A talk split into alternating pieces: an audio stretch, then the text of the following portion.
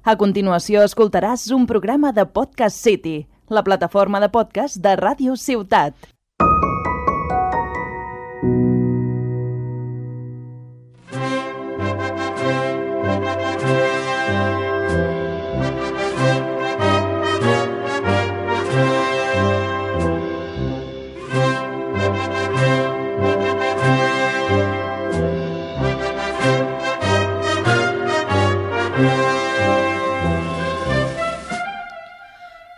Benvinguts al Bandera Negra i Matraca d'aquest temps de Quaresma de l'any 2021.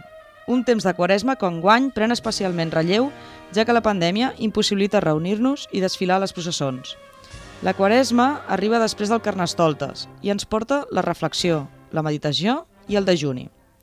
No obstant, com és habitual al nostre programa, avui volem mirar la Quaresma des de la mirada d'un jove cofrara. Fan dejuni els joves de Tarragona? Com preparen la Setmana Santa d'enguany els joves de la nostra ciutat? Esperen amb emoció la Setmana Santa d'enguany? Tot això i més al programa d'avui.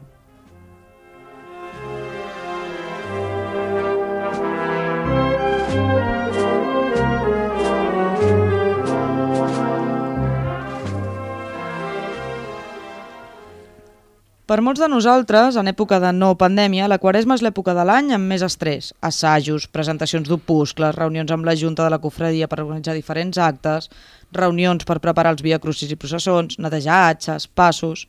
I tot això en només 40 dies. 40 dies que precedeixen la Setmana Santa més important de l'any.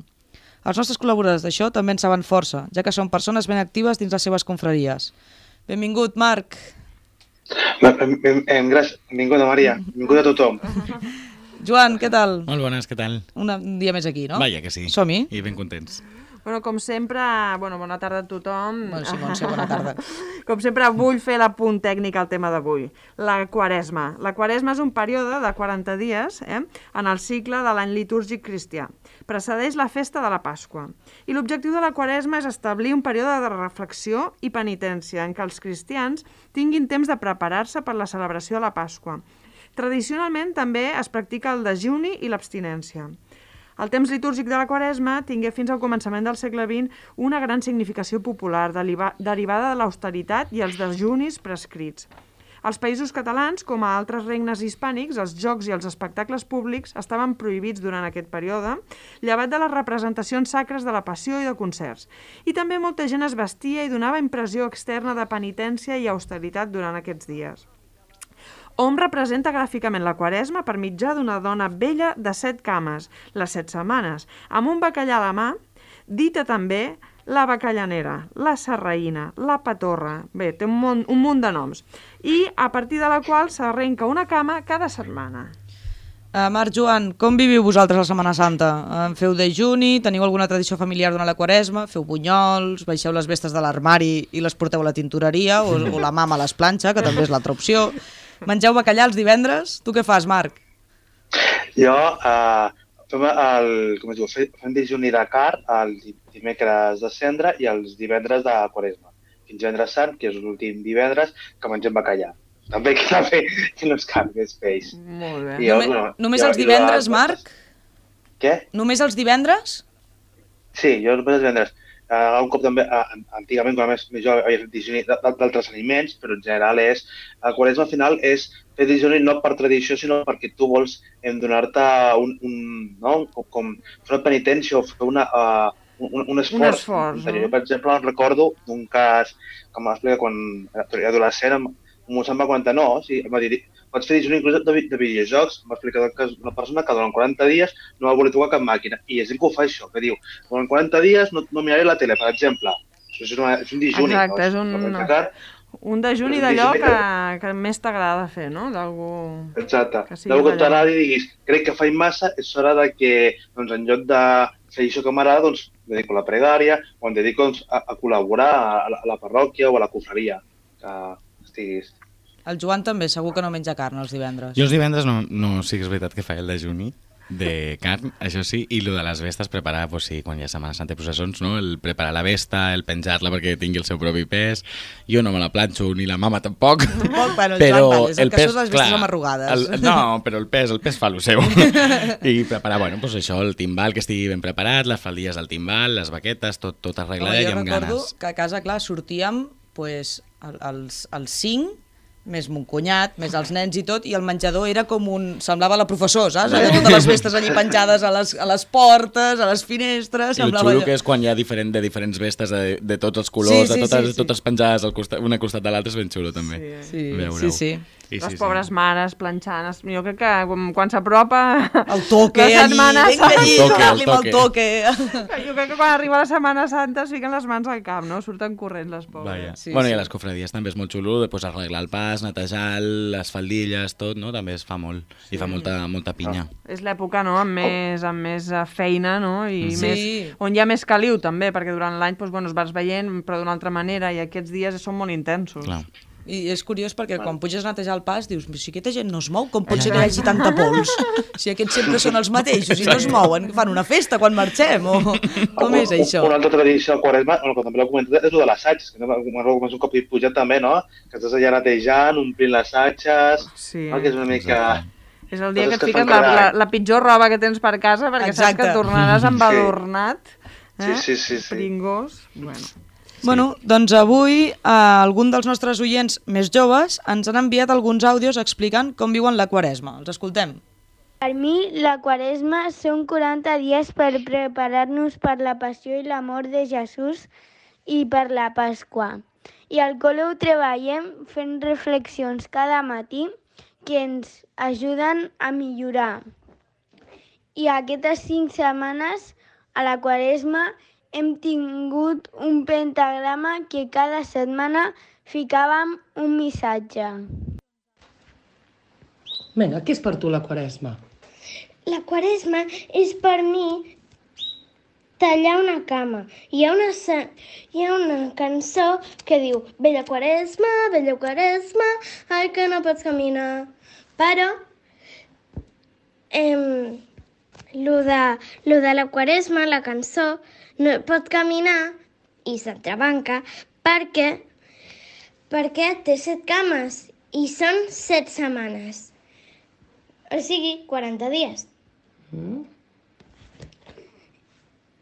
I hi ha gent, hi ha gent que diu bé, la quaresma no existeix, la senyora quaresma, però hi ha alguns nens o nenes, o fins i tot adults que diuen bueno, no l'he vist mai, però potser existeix.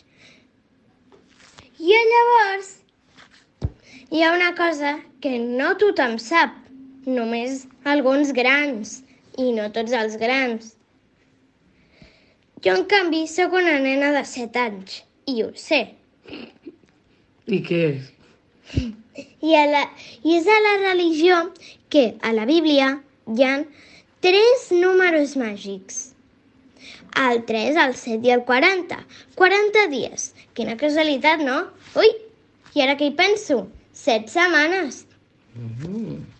I cada quan li talles la cama a la quaresma? El divendres, perquè tenim una quaresma al col·legi i cada divendres és l'últim dia que ens veiem de quaresma, el Del divendres. col- Del col·le, del col·le. Sí, també. Sí, m'he- ara m'he liat.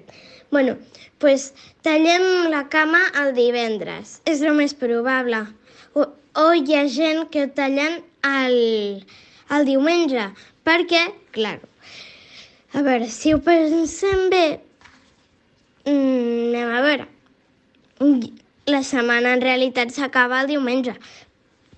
Però si tenim una vella quaresma a la classe i li hem de tallar el diumenge, doncs bueno, no ens veiem. I sempre li tallem el divendres, I quan s'acaba la quaresma, què hi ha? la Pasqua, Molt bé, que la Pasqua és abril. molt bé. Aquest any. Els Sí. altres anys no sabem. I també hi ha una cosa que no sé per què, però que no està relacionat amb la quaresma. És que, com que hi ha tres números i en un, i en un d'aquests números màgics de la Bíblia hi ha el 3. Tres números, 3. És una cosa? Ah, Sí, això per tu és la quaresma, doncs. Sí. Vale. Doncs molt bé. Vella Quaresma, Vella Quaresma... que ja no pots caminar. Molt bona. Eh, és brutal. Molt. Eh, Jo, jo crec que... Fitxaje. Sí, sí, l'Ivan, el Marc i jo estem tremolant perquè es- crec que ens, treu, ens No, traieu no, de I a la col·laboradors. Montse i a mi, o sigui, la Núria presentarà el Bandera i Negra i Matraca la temporada que ve. O sigui, és genial. Jo em quedo amb la frase de tallar una cama, Sí? eh? o sigui, se li talla la cama. S'ha el acabat de, el propi. Ui, quina casualitat. Ep, no us heu adonat. Ep, Ella lo sabe. ella lo sabe. És molt bona. M'encanta. Eh, eh, però ara la pregunta seria, a veure quants dels que estem aquí i dels que ens escolten saben lo dels tres números Vaja, màgics. No és veritat, és Eh? veritat. Bueno, Sí. doncs ja podem buscar un dia per fer un programa dedicat als números Sí, màgics. sí, eh, doncs mira, cosa... Ja, ja tenim entrevista. Sí, Bueno, sí. Moltes gràcies al Pol i a la Núria El Pol, per, el Pol també, eh, el per Pol també. col·laborar i donar-nos la seva visió, no? perquè aquests dies els col·les també fan, fan molta feina Sí, sí, parlant sí. de la quaresma i, bueno, Joan, tu que ets, eh, et dediques a...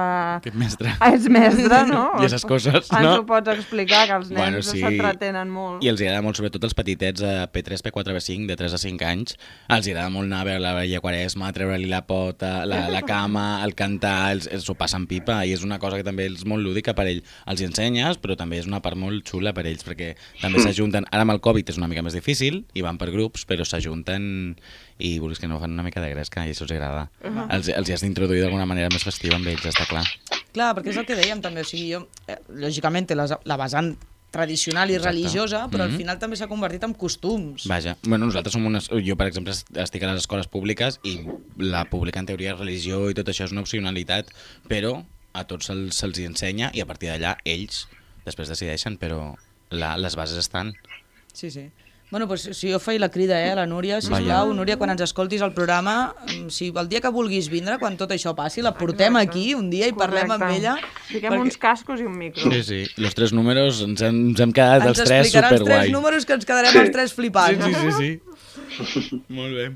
Bé, doncs avui també, per parlar de la Quaresma, des de la mirada dels joves, avui comptem amb nosaltres amb mossèn Josep Mateu. Benvingut. Nascut a Montblanc l'any 1980, estudià a l'Escolania de Montserrat entre el 1990 i el 1994. Per tant, és un amant de la música. Amb 18 anys entrà al seminari a Tarragona i després de 6 anys d'estudiar va començar la seva etapa com a capellà. Reus, Solivella, Pira, Blancafort... Estudià el doctorat en teologia a Roma i quan tornà li assignaren les parròquies de Vinyols i Riudoms. Així doncs, avui tenim l'exemple d'una persona jove que de ben segur ha portat aires nous a la parròquia del seu poble. Mossèn, expliqui'ns quina relació té amb els joves de Riudoms i Vinyols. Suposo que al tractar-se de pobles petits hi ha un tracte més proper, oi? Sí, la veritat és que sí.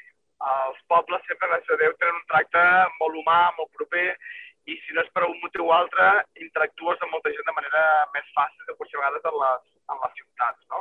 Tot i que és que a les ciutats tenim, hi ha altres canals que en els pobles potser no tenim, no? Però sí, eh, tant a Vinyols com a Riudoms, doncs, bueno, vam començar, el primer, el primer contacte va ser a través de la catequesi de confirmació, que vam anar transformant en una catequesi amb un nou mètode importat dels Estats Units, i això va fer que fos una, una, unes trobades molt dinàmiques, participatives, i a poc a poc vam aconseguir trobar un, un major número de, de persones. També a Riudoms tenim, tenim l'esplai, a la qual hi participen molts infants i molts adolescents i joves, molts dels quals havien passat per la parròquia i això fa que també amb ells tinguis un vincle i un, un contacte, no? Llavors, no és que tots tinguin, quedin a la vida de la parròquia, però sí que hi ha una relació que de seguida doncs, pots recuperar en moltes ocasions. Molt bé. I dins d'aquest tracte més propers, sí, hem vist que tenen un canal de YouTube a la parròquia de Sant Jaume de Riudoms, on hi podem trobar vídeos sobre les misses i les diferents festivitats que, que se celebren, no? Així com també la processó del Sant Enterrament de Riudoms. A banda, també trobem una secció anomenada Cafè Teològic. Com, com es pot explicar aquesta secció? Bueno, mira, tot això va, va, va sorgir una miqueta, suposo, a tants llocs fruit de la, del confinament, no? Mm. Ens vam trobar que la, la parròquia va quedar tancada amb totes les seves activitats i, i vida, i llavors, bueno, com la majoria de llocs, doncs, vam veure que només les xarxes ens permetien una miqueta de, de, de relació i d'interactuar amb la gent de la parròquia. Vam començar només fent les celebracions, però clar, entenem que només fer celebracions, doncs, bueno, que estava bé, però potser calia obrir el ventall, no? I llavors han proposat el cafè teològic, que ara no el fem, l'han fet la temporada, que era una miqueta una, una mena de, de, de, de forma desenfadada, senzilla i planera, d'intentar fer una mica de formació per aquella gent que tingui una mica de, de sensibilitat, una miqueta d'interès a la, a la seva pròpia vida fe o als seus interrogants existencials de vegades. Eh? Per tant, com que és d'una manera molt planera, intenta suscitar doncs, aquest, uh, aquest uh, qüestionari intern i una miqueta aquestes preguntes que a vegades tots, d'alguna manera conscient o inconscient, ens anem, ens anem fent. Perquè els joves mm, li traslladen aquests, aquestes inquietuds, aquestes preguntes de manera directa o, o no? Oh, els joves, els joves costen molt, eh? Els joves quasi bé ho hem d'estirar, eh? Quan ho estirem, és que sí que els joves són receptius. El problema és trobar a vegades mm, el moment per fer-ho amb ells, no? perquè potser per ells mai no, no, no s'ho tinguin aquestes preguntes o aquestes inquietuds, o és trobar el moment i, i l'oportunitat per fer-ho i per plantejar els amb ells, no? perquè a vegades eh, joves amb tanta, que, que, que interactuen tant amb xarxes, amb activitats, amb jocs, amb, amb mil coses, a vegades és difícil trobar el moment concret perquè ells puguin plantejar-se, puguin pensar, puguin preguntar-se, no? Però és veritat que sí que d'una manera senzilla ho hem anat aconseguint amb aquestes trobades del, dels divendres, que ara intentarem recuperar després de, de Setmana Santa, l'altra vegada, amb ells aquestes trobades, a partir de, de, de trobades molt senzilles i dinàmiques, que és, nosaltres diem el proclaim, no? que és una miqueta aquest, aquesta xerrada, però que no és una xerrada tipus toston, tipus acadèmic, sinó que són xerrades tipus amb preguntes, amb exemples, que els toqui amb ells, que de manera fàcil amb ells els vagi suscitant una miqueta aquests, aquestes preguntes. Molt bé. I al programa d'avui estem parlant sobre les tradicions de la Quaresma i sobre com viuen aquests dies previs a la Setmana Santa els joves confrares de la ciutat de Tarragona. Uh, per què és tan especial el temps de la Quaresma pels cristians? I com haurien d'interpretar aquest temps els més joves? Bueno, jo em sembla que seria, sens dubte, el Quaresma i la Pasqua no? són els temps més importants pels cristians perquè ens remeten al nucli de la nostra fe, eh, que és el nucli de, que és la passió, no? el sofriment, la mort i la resurrecció de, de Jesús. És a dir, si això no, no, si no hagués estat així, Sant Pau ja en diu, no? Vana és la nostra fe. Per tant, per dos motius és important. Primer, perquè connecta el sofriment de Jesús al sofriment humà, i això ens uneix profundament a ell, i l'altre, perquè ens dona l'esperança, no? És a dir, no tot s'acaba amb el sofriment, amb la mort, sinó que hi ha una, una resposta de tot això, no? Jesús ens diu que és la resurrecció, que és aquesta vida en plenitud que nosaltres ja podem viure eh, en el nostre món. Per tant, és importantíssim recuperar les dimensions de la Quaresma i de la Setmana Santa, no? I potser fer un llenguatge nou, perquè massa vegades els joves veuen la Quaresma o veuen la Setmana Santa només amb allò que és anquilosat, no? només amb allò que, que és fruit del passat, amb unes tradicions que si no les actualitzem perden el seu, perden el seu significat. I el dejuni, per exemple, el dejuni, no? el dejuni és com importantíssim en la vida de les persones. Jo quan explico a l'institut els dic als, als, als meus alumnes, no? Qui, nosaltres hem de dejunar de moltes coses a vegades, no? Hem de dejunar de crítica, hem de dejunar a vegades de xarxes, de, de mòbil, hem de dejunar moltes vegades per salut de segons quins aliments, hem de dejunar de tantes coses per salut mental, corporal i també espiritual. Aquest és l'origen del, del, del dejuni en l'Església. No? L'únic que l'hem reduït només de formes tradicionals, no com l'abstinència. Per tant, jo penso que hem de recuperar una miqueta aquest llenguatge i creure'ns que val la pena, no? perquè al final és un autocontrol personal que es tradueix en moltes esferes de la nostra vida, també en la vida espiritual. Per tant, és important, ja penso, les confraries que aquí tenen un paper fonamental o teniu un paper fonamental de, de re, reexplicar, no? de reenfocar el sentit original de la Quaresma, el sentit de la Setmana Santa, amb un llenguatge vivencial del, del jove o de l'home i la dona d'avui. Perfecte. Està... Sí, sí, és una actualització no, al segle XXI d'aquests conceptes no, que poden ser interpretats de moltes maneres. No? M'ha agradat molt la, el, el de, de tecnologia, de xarxes, jo crec que és fonamental. El papa Francesc, de fet, amb cada missatge que fa de la Quaresma, no, cada any, ell sempre diu, de què heu de dejunar? No hem de dejunar només aliments, de què hem de, de tenir només, no ens hem de tenir només de carn, no? Això és molt formal, si no pot semblar, que no vol dir que no sigui important, sinó que hem d'aprendre a dejunar i abstenir-nos abstenir de tantes coses que ens fan mal, no? Que ens fan mal. Exacte. I que fan mal als altres. I, I com es viu la quaresma a Riudoms, per exemple? Hi ha alguna tradició o algun aliment típic d'aquesta època? Home, jo, jo que no soc de Riudoms, quan vaig arribar a Riudoms, el primer que em deien, em deien, ui, quan veig la Setmana Santa de Riudoms, no? Jo pensava, dic, bueno, mare, això serà l'apoteosi, jo pensava, dic, bueno, els de Riudoms perquè estimen molt seu, però és veritat que la Quaresma i la Setmana Santa de Riudoms són molt viscuts. Eh? Són molt, és dels pobles, penso jo, al Cara Tarragona, on la Quaresma i la Setmana Santa es veu, es viu amb molta intensitat. any, malauradament, com a tot arreu, ens perdem la, la majoria d'actes i tradicions, no? Però és veritat que per un poble com el nostre, de 7.000 habitants, quan veus la processó del divendres sant, és impressionant la quantitat de gent, no?, que surt a dins de la processó, no només de la relació, que surt a dins, no? Un any vam comptar entre gent que sortia de la processó i gent a veure-la, comptàvem més de 3.000 persones. Per un poble de 7.000 habitants és brutal, és que és impressionant, no? És a dir, hi ha tanta gent a dins com a fora, vull dir que no havia vist mai enlloc això, no? O també, no sé, el, el menjar blanc o els bunyols no, de Quaresma, mm, Reus, amb tot el respecte, s'emporta la fama, però jo veig aquí a Riudoms i a Vinyols que totes les cases encara ara fan menjar blanc i menjar blanc casolà, no? encara exprimint les ametlles. Vull dir que és una cosa molt i molt arrelada, no? Totes les processons, els Via Crucis, jo veig que són molt participatius. I una cosa bonica que veig a Riudoms és que hi participen encara un sector important de joventut no? i de de mitjana edat. Eh? És a dir, que, que aquesta tradició o aquesta evidència no ha quedat reduïda, no? sinó que és molt transversal. I això penso que fa que la Setmana Santa de Riudoms sigui, que tingui futur, eh? que tingui una viabilitat eh, cultural, tradicional i penso també, sobretot, espiritual important. Es preveu que aquesta Setmana Santa els actes també es retransmetin per les xarxes o penjaran algun acte al YouTube? Sí, en principi totes les celebracions les farem, lògicament, com a tots els pobles i ciutats, només a dins de l'església no ens permet el Procicat fer actes de fora al carrer. Um, però sí que farem tot dins de l'església, tot a, a, través de, del YouTube. I un acte potser destacat que també retransmetrem és les set paraules, no?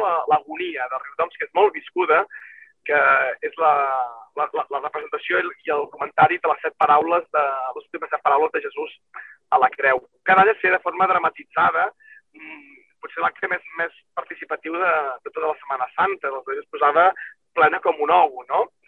Enguany, lògicament, la forma l'hem de limitar a 150 persones, però per això ho farem al canal YouTube.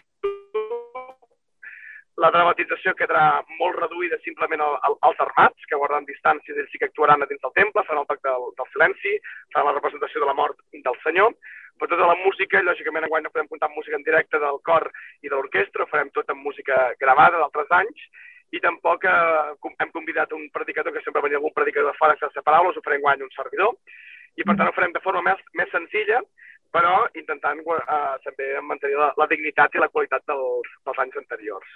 Molt bé. Molt bé, Maria, no sé si tens alguna, alguna pregunta. No, jo... Sí, jo, més que una pregunta és una observació que, mossèn, que a vegades ens costa fer el dijuni de menjar, perquè entre els bunyols de vent, els bunyols de bacallà, les torrijas, els pestinhos, home, fàcil no ens ho posen, eh?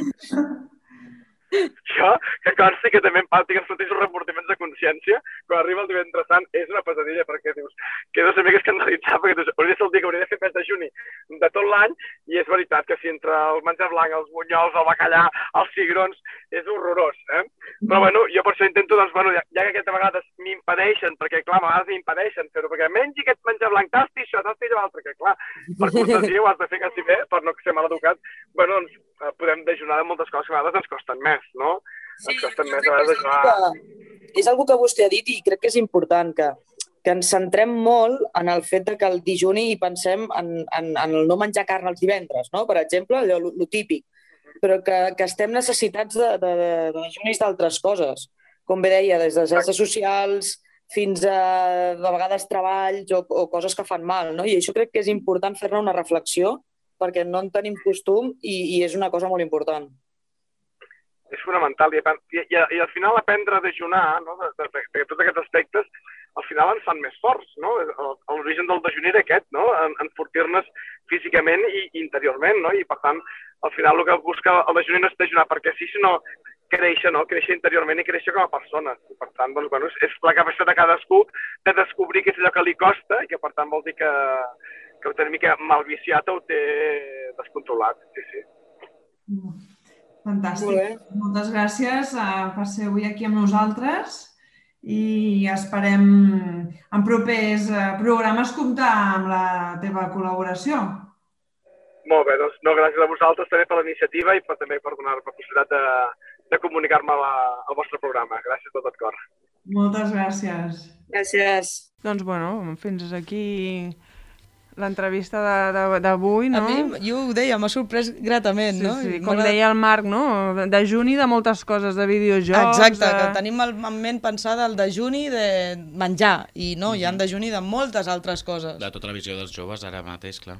Clar. De la vida sí, actual. Sí. Home, veus ara tots els crios amb el mòbil a la mà, doncs pues mira, un dejuni de mòbil, no? De cada any que ve jo crec que m'ho plantejaré. Quines de les mil coses que, que sóc addicte, perquè... Bueno, l'altre dia, amb, amb, parlant amb uns de Màlaga, em deien que hi ha, hi ha un senyor allà a Màlaga que diu fuma com un carreter, però de, de dos paquets diaris, eh? I en canvi, durant els 40 dies de la quaresma, deix de fumar. Doncs pues mira. I llavors el diumenge de la... Clar, ells no tenen la mona com tenim nosaltres, doncs mm -hmm. el mhm. dilluns de la mona, llavors torna a fumar una altra vegada però hi han dijunis de moltes coses. Bueno, clar, cadascú.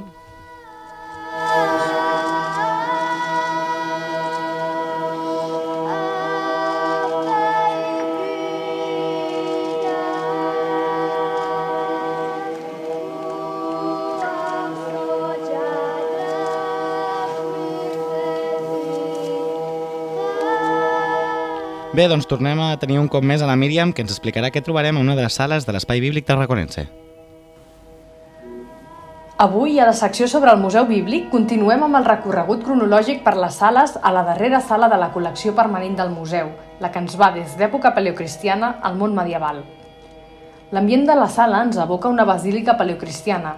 S'hi ha recreat un mausoleu funerari paleocristià i un baptisteri amb la reproducció de pintures cristianes del segle IV amb temes de l'Antic i del Nou Testament. Un conjunt de materials arqueològics d'època paleocristiana, copta, bizantina i medieval ens permeten fer un recorregut per la cultura material de l'Església i de Terra Santa des de finals del segle I fins a l'època de les Croades. De la sala us destacaria ceràmiques africanes amb iconografia bíblica i llantes paleocristianes com per exemple una del profeta Jonàs vomitat pel gran peix, símbol de la resurrecció. També s'hi poden contemplar dues ampul·les de Sant Menes, un màrtir venerat a Egipte que representa en forma durant entre dos dromedaris. La secció numismàtica presenta encunyacions que van des dels emperadors que perseguiren el cristianisme, passant per la família constantiniana, que tolerà la nova religió, fins a l'emperador Teodosi, que feu del cristianisme la religió oficial de l'imperi l'any 380. També hi ha monedes dels emperadors bizantins testimonis de les primeres emissions islàmiques. I fins aquí el nostre tom pel Museu Bíblic Tarraconense. Ens retrobem al proper programa per parlar de l'espai de Setmana Santa del museu.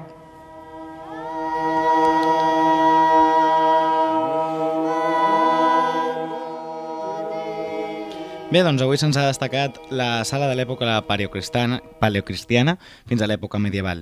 Ens ha parlat d'àmfores, de ceràmiques d'Àfrica amb motius bíblics, de la recreació d'un baptisteri romà, entre d'altres curiositats, i de l'emperador, com per exemple l'emperador Teodosi, que va ser el primer que va fer oficial la religió cristiana a l'imperi 380. Cada dia aprenem gràcies a la nostra col·laboradora i ara que ja podem moure'ns una miqueta més i amb totes les mesures de seguretat que ens proporciona el Museu Bíblic, tenim aquesta visita molt pendent. Moltes gràcies, Míriam, i ens retrobem al proper programa. Ara sí, arriba la secció de l'agenda d'actes que hem estrenat aquesta segona temporada i que just en aquestes dates la carreguem de contingut. Marc, com està l'agenda per aquests dies? Doncs molt plena. El dia 25 de març l'associació La Salle que hi presentarà la seva revista i la Germandat de Sant Cris dels Gitanos realitzarà el seu Via Crucis per l'interior de l'Església de la Trinitat. El divendres 26 de març, el Gremi de Pagesos també realitzarà el seu Via Crucis a l'interior de l'església de Sant Llorenç. El dissabte 27 de març, la confraria del Cristo Bonamor farà el seu Via Crucis a la parròquia de Sant Joan Baptista. No cal dir que tots els Via Crucis que estem comentant en aquesta eh, agenda són, estan, eh, compleixen el, el, el, que ordena el Procicat. Eh, també comentar que la Congregació de la Sang de Nostre Senyor, Nostre Senyor Jesucrist Senyor Jesucrist celebrarà el diumenge de Rams i el divendres sant el solemne Via Crucis a la Catedral de Tarragona, a les 7. També els dies 29, 30 i 31 de març, a l'Església de Nazaret es celebrarà el Tridu, en honor al Sant Crist i a, i a la Mare de Déu de la Soledat, de 6 a 8, així com els oficis de dijous sant i divendres sant. Molt bé, també seguim amb el diumenge dia 28, que és diumenge de Rams, i podrem gaudir del pregó de Setmana Santa i la benedicció de les Palmes. Dilluns Sant, 29 de març, tindrà lloc la missa crismal de la Catedral de Tarragona i el Via Crucis de l'Església de Sant Pau a càrrec de la Cofradia de Sant Magí Màrtir, la Congregació del Descendiment de la Creu i l'Associació de la Salle. El dimarts sant, 31 de març, la Reial Germandat de Jesús Nazaré farà el seu Via Crucis a l'Església de Sant Francesc. I per últim, fins ara l'agenda de dimecres sant, el dia 31 de març, a l'Església de Sant Joan hi haurà un res, un res del Rosari del Dolor.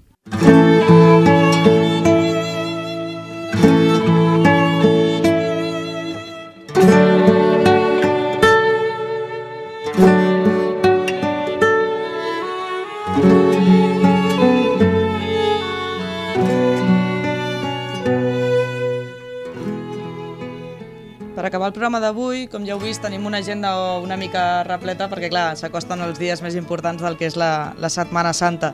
Segurament ens n'hem deixat molts i, i, i sortiran més, segurament, sempre a última hora, doncs hi ha alguna cosa que, que sempre surt. Mhm. Recordar, sobretot, que tots aquests actes que podeu escoltar sempre estan sotmesos a les modificacions del Procicat, que, per sort o per desgràcia, a l'últim minut sempre es poden modificar. No hem comentat res sobre les iniciatives dels domassos als balcons per la ciutat i dels diferents lones, de les diferents lones de les congregacions. Correcte. Però, bueno, Mhm. ja el proper programa, passada la Setmana Santa, comentarem... Així, també podrem donar una píldora de les que hem Exacte. vist i de com, on estan. També hi ha els comerços que han, han guarnit els seus aparadors, doncs tot això també no patiu que la setmana que ve on us ho explicarem amb més detall. Ja per acabar, només volem recordar algunes de les frases populars que s'utilitzen per assenyalar l'abstinència d'aquest període de quaresma. Com per exemple, acabada la quaresma, acabat el bacallà.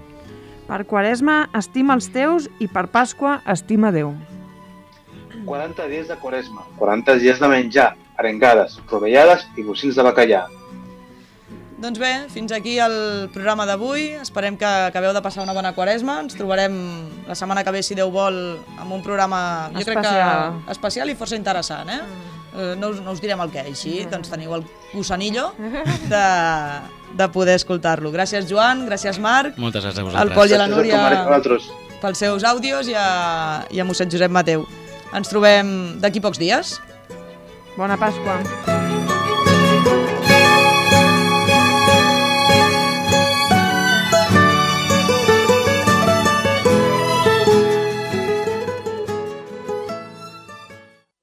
Has escoltat un programa de Podcast City, la plataforma de podcast de Ràdio Ciutat.